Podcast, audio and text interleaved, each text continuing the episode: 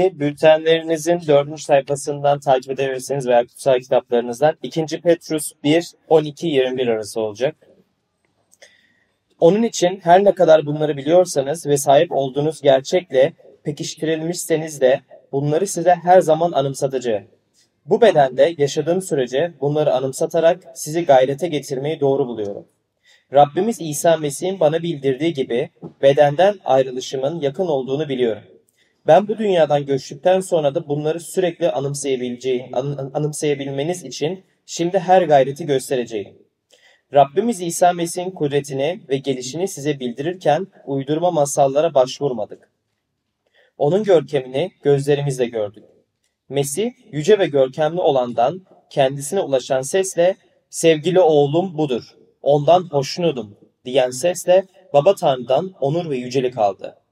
Kutsal dağda onunla birlikte bulunduğumuz için gökten gelen bu sesi biz de işittik. Peygamberlerin sözleri bizim için daha büyük kesinlik kazandı. Gün ağarıp sabah yıldızı yüreklerinizde doğuncaya dek karanlık yerde ışık saçan çıraya benzeyen bu sözlere kulak verirseniz iyi edersiniz. Öncelikle şunu bilin ki kutsal yazılardaki hiçbir peygamberlik sözü kimsenin özel yorumu değildir. Çünkü hiçbir peygamberlik sözü insan isteğinden kaynaklanmadı. Kutsal ruh tarafından yönetilen insanlar Tanrı'nın sözlerini ilettiler. Çok teşekkürler. Cihan. Başlamadan önce e, şöyle bir şey söyleyeyim. Petrus ona e, ayet 12'de e, bu kiliseye e, insanlar bir şey hatırlatıyor ve Bilge burada e, önce konuştuğunda beni bir şey hatırladı. E, Cenab-ı ben biz yani dört sene önce tam burada evlendik. Yani dört gün sonra dört sene önce. Tam burada evlendik. Çok ilginç şey şimdi aklıma geldi. Teşekkürler baby.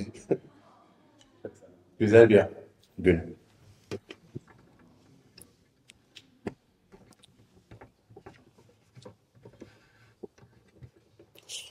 Evet, herkese merhabalar. Ben bugün size vaaz vereceğim. Ve vaaz vermeden önce kısaca dua edeyim. Ya gökteki babamız, senin sözünden duyduk. Lütfen şimdi bize konuş. Seni daha, daha iyi tanımak için lütfen bize yardım et. Ve bunu İslam'ın adıyla dua ediyorum. Amin. Bir soruyla başlamak istiyorum. Hayatınızın üzerinde kimin yetkisi var? Belki bu ya belki de bu soruya doğrudan cevap vermek o kadar kolay değil. Belki şöyle düşünüyorsunuz. Elbette hayatım üzerinde sadece benim yetkim var. Ya da karınızı düşünüyorsunuz. Ya da patronunuz da olabilir. Bilmiyorum. Ama kilise şu e, kilise olarak şu anda Hristiyan inancının temelleri üzerine bir vaaz serisindeyiz. Neye inanıyoruz? Geçen hafta bilgilen kutsal kitap nasıl gerçek olduğunu ve doğruyu söylediğini dinledik. Vaazı ka- kaçırdıysanız yine ya da ilginiz çektiyse web sitemizde ya da YouTube'dan tekrar dinleyebilirsiniz. Ancak kutsal kitabın öğrettiği her şey, şeyin doğru olduğuna inansan bile bu şu soruyu tamamen yanıtlamaz. Bu benim hayatımı nasıl etkilemeli? Kutsal kitabın anlamının yaşamın üzerine bir etkisi vardı. Kutsal kitabına nasıl bakarsan aynı şekilde senin hayatını etkiler. Bu hafta kutsal kitabın nasıl bir yetki sahip olduğuna ve bunun ne anlama geldiğine beraber bakacağız. Oku, okuduğumuz metin Elçi Petrus tarafından yazılmıştır. Petrus İsa'nın bir öğrencisiydi. İsa'nın pek çok öğrenci, öğrencisi vardı.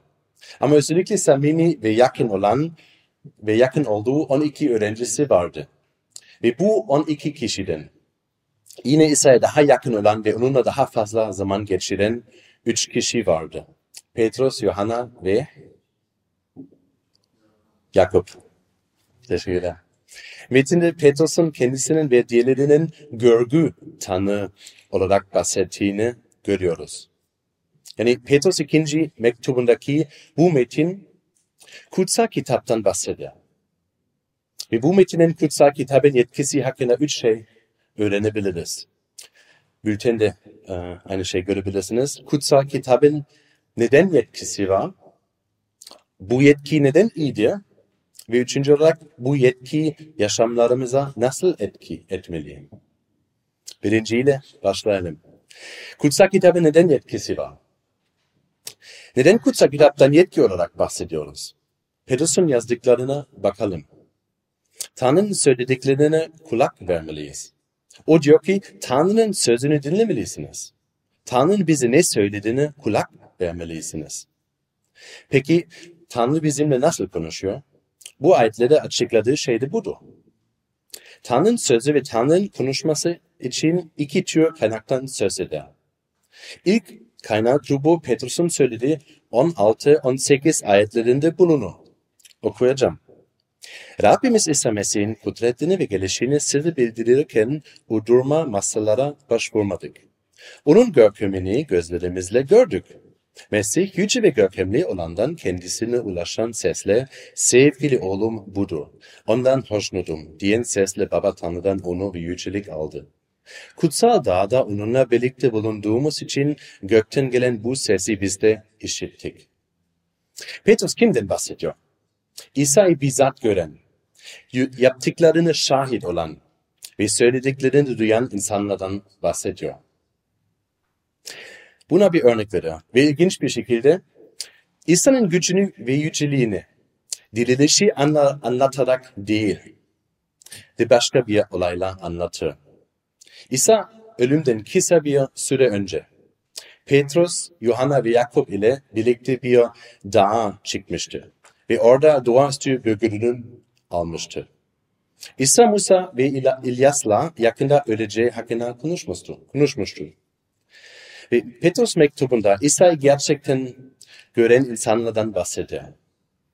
Ve bu nedenle olan e, onlar İsa'nın sözlerini ve eylemlerini kaynardı. Gördüler, yazdılar. Yeni anlaşmanın yazarları ya görgü tanığı olan ya da görgü tanıklarıyla konuşan kişilerdi. Bu nedenle bize Tanrı'nın İsa Mesih aracıyla ne söylediğini anlattılar. Ama kendilerinin değil, Tanrı'nın esinlemesiyle.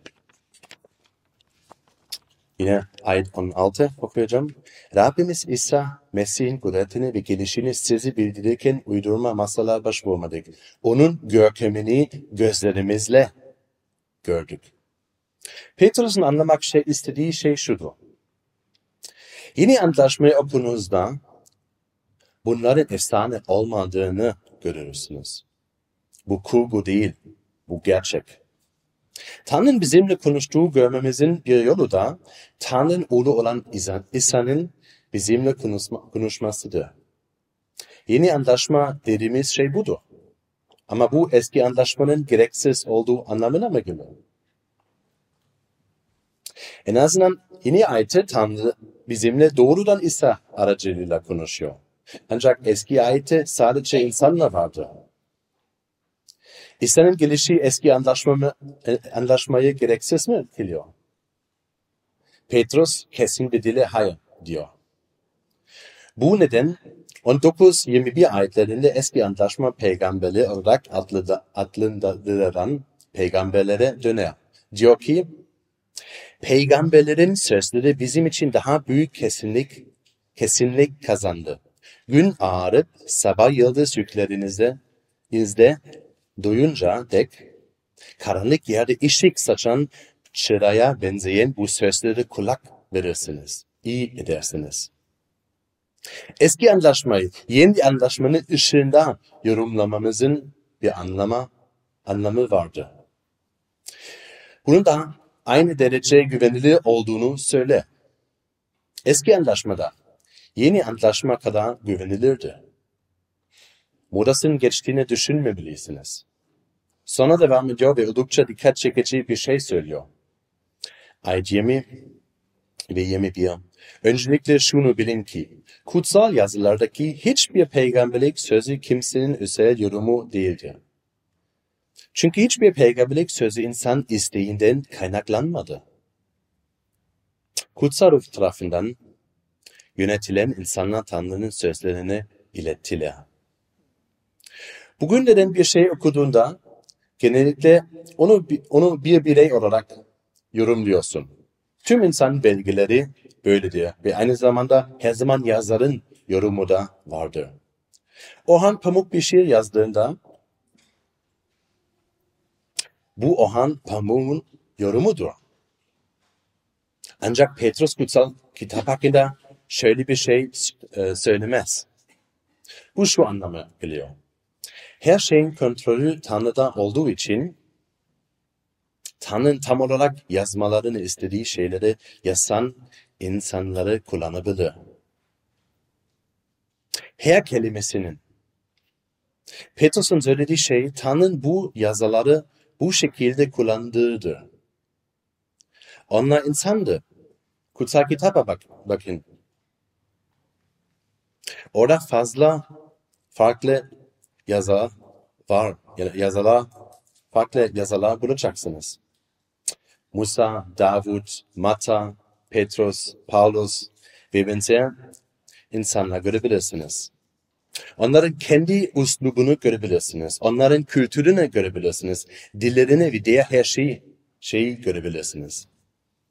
Tanrı her, şey, her şeyi kontrol ettiği için bir adamı tam olarak yazmak istediği şey yazmayı hazırlayabilir. Petrus kutsal yazılar ne diyorsa Tanrı da onu dediğini söyler. Bu sadece Petrus'un değil, İsa'nın da görüşüdür.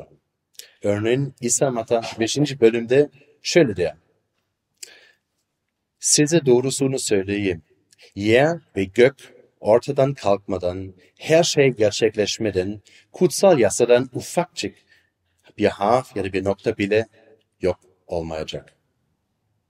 İsa'nın söylediği şey kutsal kitabın her harfinin ilahi esinli yazılmış olduğudur. Hepsi doğru. Bu sadece İsa'nın kutsal kitabın her bir harfine kutsal kitabının tam ilahi yetkisine inanması değildir. Hayatını bunun üzerine kurdu. Şeytan İsa Mesih'e denenmeye çalıştı. Şeytan onu şöyle her ayarttığında İsa ilk ne söylüyor biliyor musunuz? Yazılmıştır. İsa kutsal kitaptan alıntı yapıyor. Ve çarmıhta hazırlıken bile Mesmur 22'den alıntıyı yapar. İsa kutsal yazıların ilahi yetkisini sadece teoretik olarak inanmıyordu. Hayattaki her şeyle kutsal yazıları sayesinde karşılaştı. Kutsal yazıların her harfine tam bir güveni vardı. Ben Hristiyanım ama kutsal kitabı harf, harfi harfine kabul etmiyorum diye insanlara tanıyorum. O zaman genellikle kastedilen, şudur. Ben bir Hristiyanım. İsa Mesih'e inanıyorum. Ama kutsal kitaptaki her şeyi kabul edemem. Bazı kısımların modasına geçtiğini düşünüyorum.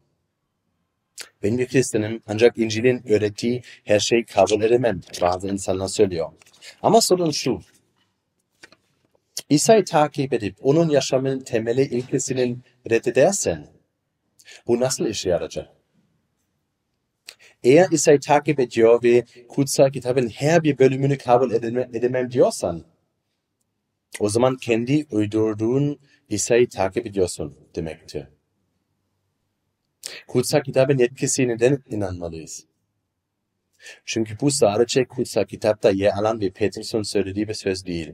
İsa'nın söylediği bir sözdür. Tabii ki eğer İsa'ya inanmıyorum, onun Tanrı'nın oğlu ve benim günahlarım için çarmıhta öldüğüne inanmıyorsan, yani inanmıyorum dersen bu farklı bir şey. Ama İsa Mesih'e inanıyorum, inanıyorum dersen o zaman İncil'in ve kutsal kitabın tam etkisini, yetkisini kabul etmen gerekiyor. Ve onun söylediği şey kabul etmen gerekiyor. Bu um, bir noktasının bile değişmediğine inanman gerekiyor.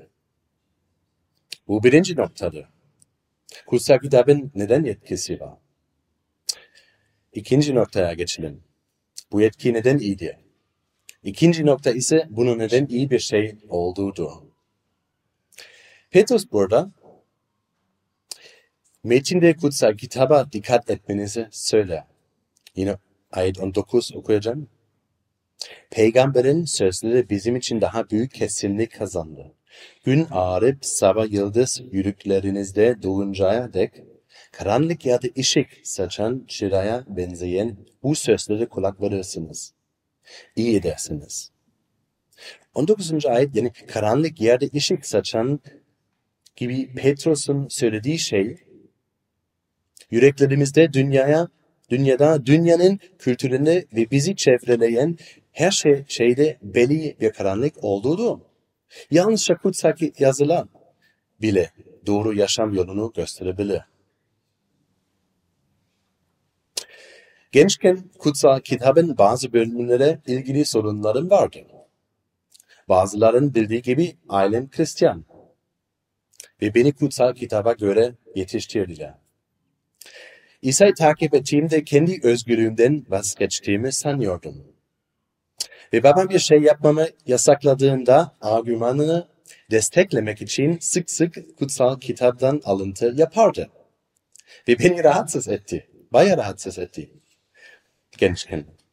Örneğin akşam eve arkadaşlarımızdan, arkadaşlarımdan daha erken gitmem zorunda kaldım. Ve babam her zaman birinci Senalikiler 5-5 ayetin alıntı yapardı. Şöyle söylüyor. Hepiniz ışık çocukları, gündüz çocuklarısınız. Gece ya da karanlığa ait değiliz. Ve Tanrı'nın gündüz çalışmak, geceyle uyumak için yarattığını söylerdi. Bugün bunu doğru olduğunu biliyorum. Ve tabii ki birisi çalışma, çalışması gerekiyor. Yani başka um, yani işi varsa um, bir Tanrı bize aynı zamanda bir özgürlük veriyor. Bir doktor hastanede gece çalışması gerekiyorsa tabii çalışıyor bu, bu yanlış değil. Ama genelde Tanrı gün ve gece bir sebepten dolayı yarattı. Gündüz boyunca uyanık kalıyoruz ve gece uyuyoruz. İlk gidin akşam ben hep, hepimiz beraber bir düğüne gittik ve iyi kutladık. Ama tabii normal hayatın hakkında konuşuyorum. Yani bütün gün uyuduğunda ama gece e, uyanık kaldığında bu Tanrı'nın yaratılışa karşı. Yani bu nedenle Tanrı bu bize verdi ve böyle yarattı. O zaman da anlamadı. O zamanla bu beni çok rahatsız ediyordu. Peki bu ne, beni, e, beni neden rahatsız etti? Çünkü özgürlüğümü istiyordum. Çünkü hayatımda kendi yetkim, yetkimin olmasını istiyordum. Belki sen de bunu biliyorsun. Belki İsa Mesih'e Rabbin olarak iman ediyorsun. Ama kutsal kitabın bazı ayetlerinde tam da duymak istemediğin şeyleri söyledikleri için zorlanıyorsun.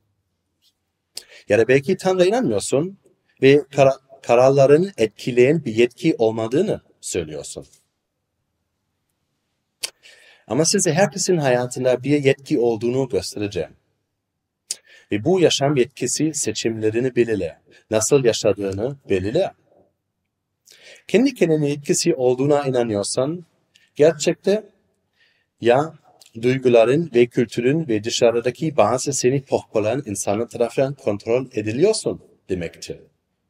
Örneğin birçok kişi tek yetki bendedir der. Bunun gerçek anlamı şudur.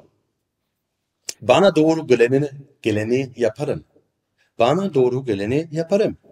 Duyguların seni yönlendirmesine du, du, e, pardon, duygularının seni yönlendirmesine izin veriyorsun. Bu bir sorun mu? Evet. Duyguların hem tuta, tutarsız hem de güvenilemez olabilir. Aşk ve evlilik örneğini ele alalım. Bunu daha önce galiba çok duymuş. Yani bu hikaye söyleyeceğim şey galiba çok du, du, duydunuz. Yani duymuşsunuz. Bir adam başka bir kadınla birlikte olmak için karısını ve ailesini terk eder. Şüphesiz herkes bunu daha önce duymuş ve görmüştür. Peki bu adama bu neden yaptığını sorarsanız ve bunu aşk yüzünden, duyguları yüzünden yaptığını söylerse, aşkın nesi, yanlış nesi günah olabilir derse, ne diyeceksiniz? Sizin de bunun yanlış olduğunu bildiğiniz gibi kutsal kitap da bunun günah olduğunu, yanlış olduğunu açıkça söyler. İsa tarafından İncil'in sık sık alıntıların bir ayet Matta 15 19. Çünkü kötü düşünceler, cinayet, zina, fuhuş, hırsızlık, yalan yere tanıklık ve iftira hep yürekten kaynaklanır. Duygularımız kalbimiz tarafından yönlendirilir. Ve her insanın yalnızca kötü duygular ürettiğini söylemiyorum.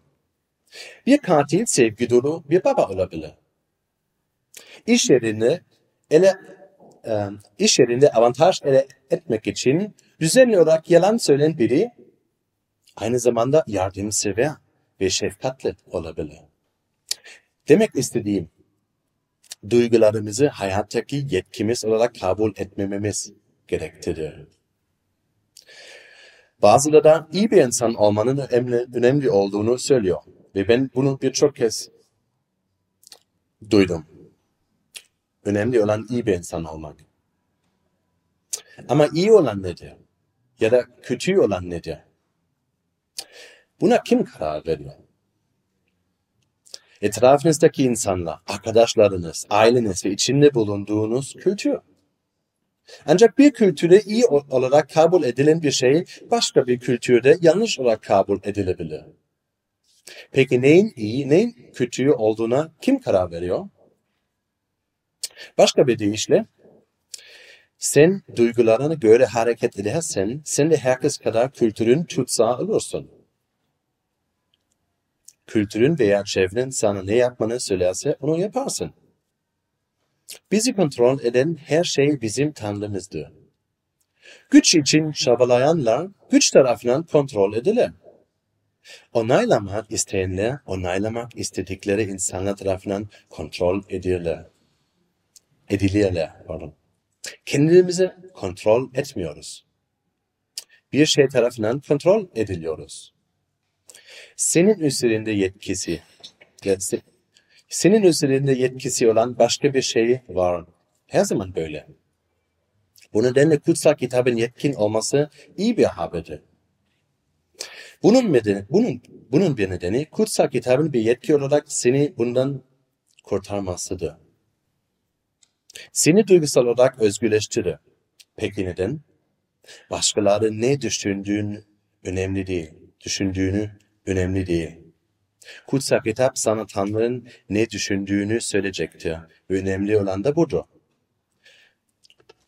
Bültenin arka, arkasında bir alıntı e, yazdırdım. Tim Keller'ın Tim, Tim Keller'dan bir alıntı. Tanrı hayatınızın merkezinde değilse orada başka bir şey vardır. Bir şey hayatının merkezinde. Evet. Ama kutsal kitap geçici değildi. Bu 2000 yıl önce olduğu kadar 5 yıl önce de ve bugün de doğrudur.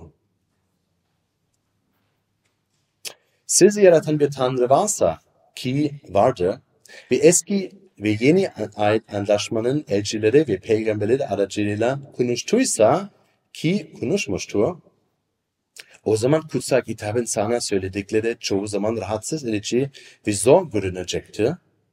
Ancak uzun vadede yaşamındaki mükemmel bilgini, bilgiliğin bir işaretidir. Bu yüzden kutsal kitabın yetkisi iyi haberdir. Ancak kutsal kitabın yetkisi sadece doğru olduğu ve sana neyin doğru neyin yanlış olduğunu söylediği için iyi değildir. Aynı zamanda tamamen kişisel olduğu için de iyi bir haberdir. Bu da beni üçüncü noktaya getiriyor.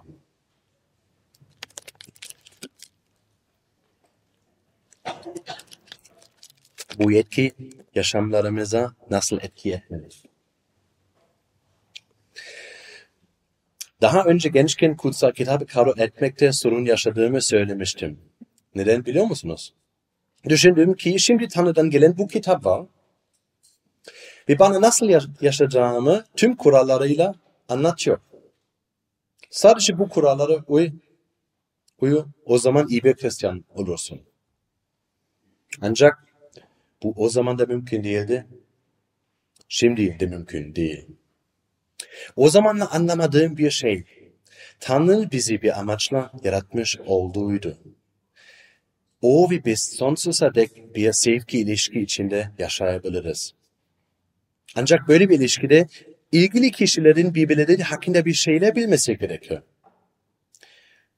Birini tanımadan ilişki kurmak zordur. Yaratımcı olan, yarat, yaratımı, yaratıcımız olan Tanrı hakkımızda her şey bilir. Ancak o bize söylemedikçe onun hakkında hiçbir şey bilemeyiz. Bu yüzden Tanrı bize sözünü gönderiyor. Tanrı kişisel olarak tanıyabilmenizin tek yolu bizimle, bizimle konuşması ve ben buyum, istediğim şey budur ve sen busun demesidir. O da öyle yaptı. Kutsal kitabın başından sonuna kadar, yaratılıştan vahiye kadar insanla ilgili kurtuluş planını bizi bize açıklamıştır. Tanrı insan kendi suretiyle yarattı. Yani biz de Tanrı'nın suretiyle yaratıldık. Ancak insan günahla yani Tanrı itaatsizlikle Tanrı'nın yüceliğini kaybetti. Tanrı ile ilişkisi kopmuştu. İnsan ruhsal olarak ölmüştü. Ama Tanrı bu kadarla bırakmadı. Tanrı ruhsal olarak ölü olduğunuz için kendi gücünüzle bana gelemezsiniz. Dedi. Emirlerimi yerine getirmek için ne kadar uğraşsa, uğra, uğra, uğraşırsanız uğraşın. Bunu başaramazsınız. Böylece Tanrı biricik oğlunu dünyaya gönderdi. Tanrı'nın kendisi dünyaya geldi ve günahın bedelini ödedi. Tanrı'nın oğlu İsa Mesih günahlarımız için çarmıhta öldü. Ve İsa Mesih'e inandığımızda, onun bizim günahlarımız için öldüğüne inandığımızda, Tanrı ile ilişki içinde yaşayabiliriz. Çünkü o zaman Tanrı bize bakar ve ne söylüyor? Ve günahlarımızın bağışlandığını, silinip gittiğini söyler. Çünkü günahsız yaşamış olan İsa bizim günahlarımız için öldü. Ancak Tanrı'nın bize olan saf lütfundan dolayı kendi oğluna feda ettiğini anlamızda o zaman yüreğimiz değişecek. İbraniler bölüm 4 ayet 12 Tanrı'nın sözünü şöyle söyler. Tanrı'nın sözü diri ve etkilidir. İki ağızlı kılıçtan daha keskindir. Şanla ruhu, ilkili, ilikle e, e, eklemleri birbirinden ayıracak kadar derinlere işler. Yüreğin düşüncelerini, amaçlarını yargılar. Kendimde bile kutsal kitabın insanları ezmek için bir ağırlık gibi kullandığını deneyimledim. Kutsal kitap böyledir. Bunu yapmak zorundasın. Tanrı'nın gerçeğini, kutsal kitap gerçeğini insanlara dışarıdan getirdiğinde ne olacak? Ya sözde Hristiyan olacaklar ya da kırılacaklar. Kutsal kitabın yetkisinin ağırlığı altında ezilecekler ve sonunda kaçacaklar. Yeterince iyi olamıyorum. Ben buna uğramam. Bu sadece ezici. Ama bu iç, içten geldiğinde, gerçek kalbini değiştirdiğinde seni içten dışa, dışa değiştirir. Müjde, Tanrı'nın İsa Mesih aracılığıyla sağladığı kurtuluşa ihtiyaçımız var. Tanrı'nın oğlu göklerdeki babasının yetkisini boyun eder. Sonunda gördüğümüz gibi kutsal kitaba itaat etti. Kutsal kitabı izledi ve yaşamının en sonunda ne söyledi? Benim isteğim değil, senin isteğin olsun dediğinde babanın isteğin yerine getirdi ve ezildi. Yetki boyun eğdi ve sonunda onu mahvetse de her şey yaptı. Peki neden? Senin için ve benim için. Hiç kimse seni İsa Mesih gibi sevmemiştir. Çünkü hiç kimse onun vazgeçtiğinin vazgeçmemiştir. Gerçekten güvenmeniz gereken tek yetki budur. Bunun senin için yapan tek yetki odur. Bunu anlamak ve ona inanmak kalbini değiştirir.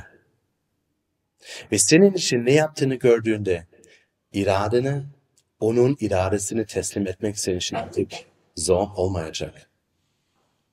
Tanrı seninle kişisel olarak ilgilenir. Kutsal kitapta ona baba denir. Ve İsa aracılığıyla onun çocukları olarak ona gidebiliriz. Ebeveyn çocuk ilişkilerini bilirsiniz. Maalesef benim kızım Sofia bugün gelemedi, o hasta. Ama mesela kızım Sofia bir şey yapmamasını söylediğimde bunu ona sevgi dolu bir baba olarak söylüyorum. Neden? Çünkü onu seviyorum ve ona değer veriyorum. O zaman bana itaat etmesini istiyorum. Sofia örneğin iki parçadan, ya bu bir örnek. Sofia örneğin iki parçadan fazla çikolata vermiyorum. O zaman anlayamayabilir. Belki ağlıyor. Daha çok istiyor. Ama yine de onun için en iyisi bu. Eğer istediği gibi davranmasına ve bütün çikolatalı vermesine izin verse, verirsem nasıl bir baba olurum? Baba olarak Tanrı için de bu böyledir. Ama onda bu daha da fazladır. Bizi o yarattı. Benim için neyin iyi olduğu, olduğunu benden daha iyi biliyor. Ve bana karşı iyi niyetli olduğunu, sevgi dolu bir baba olduğunu bildiğim için bu yüzden onun sözüne, iradesini boyun eğebilirim. Ve Tanrı'nın sözünü anlamadığın zamanla olacak. Bu kesin. Bazı şeyler anlamıyoruz. Ama onun senin için oğlunu verdiğini, çarmıhta öldüğünü ve üç gün sonra dirilttiğini bildiğin için, seni ne kadar çok sevdiğini bildiğin için, hislerimin ne olduğu umurumda değil diyebilirim. Doğru olanı yapacağım. Tanrı'ya ne kadar çok itaat edersen, sana gerçek görünmesi bile, o senin için o kadar gerçek olur. Eğer Tanrı'ya itaat etmezsen, senin için giderek daha az gerçek olur. Ve bu pratik gerektirir. Bu bölümün ilk kısmında Petrus şöyle der. Başla, başladığımda aynı, aynı ayeti söyledim. Yani um, ne, Petrus ne söylüyor? Onun için her ne kadar bunları biliyorsanız ve sahip olduğunuz gerçekle pekiştirilmişsiniz de bunları size her zaman anımsatacağım. Size sürekli hatırlamak zorundayım Petrus diyor. Çünkü bazı şeyleri unutuyoruz. Mesela belki bazen bu, bu pratik bir şey. Belki bazen bir şeyden korkarsın. Kutsal kitap okuyorsun, dua ediyorsun ve yüreğine huzur gelir. Ama ertesi gün o koku geri geliyor. Ve hepsini tekrar yapmak zorunda kalıyorsun. Günlük kutsal kitap okuma ihtiyacın var. Çünkü biliyoruz ki bazı şeyleri unutuyoruz. Kutsal kitabın o harika yaşam veren güvenilir yetkisinin yaşamında işle, işlemesine izin vermek için günlük dua ihtiyacın var. İsa her gün Tanrı'ya dua etti. Sabah, akşam galiba her zaman dua etti. Ama sürekli dua etti. Onun dua ihtiyacı vardı. Yani Tanrı'ya dua ihtiyacı vardı. Böylece Tanrı'yla kişisel yakın ilişkin büyüyor. Ve bu sadece bizim gücümüzle değil. Biz İsa Mesih bizim yerime çarmıhta öldüğüne inanıyorsak ve Tanrı İsa Mesih aracıyla inanıyorsak göklerdeki babamız bize kutsal ruh gönderiyor. Ve o kutsal ruh içimizde yaşıyor. Ve o da bizi hatırlatıyor. Tanrı'nın sözü ne söylediğini. Aynı zamanda kutsal ayinlere de ihtiyacın var. Ara sıra günah işliyoruz. Ne yapıyoruz? Biz Tanrı'ya gidiyoruz ve bütün Tanrı bana affet. Ve bu Rabbin sofrası birazdan biraz sonra kutlayacağız. Bu, bu ne söylüyor? Tanrı bizim için öldü. Ve bunu beraber görebiliriz. Beraber ekmekten yiyebiliriz. Beraber şaraptan içebiliriz. Neden? Çünkü çarmıhta İsa Mesih gerçekten bizim için öldü. Ve üç gün sonra dirildi. İbadet e, hizmetlerine ihtiyacınız var. İhtiyacımız var. Tanrı'ya söylediğimiz şarkılar aracılığıyla onun başkalarıyla birlikte övmemiz lazım. Yaptığımız gibi yine yapacağız. Tanrı övüyoruz beraber. Kutsal kitabın yetkisini, yetkisini kabul edin. Ama önemli olan bunu müjdenin içinde görün. Her gün bu yetki boyu, boyun eğin. Rab iyice. Dua edelim.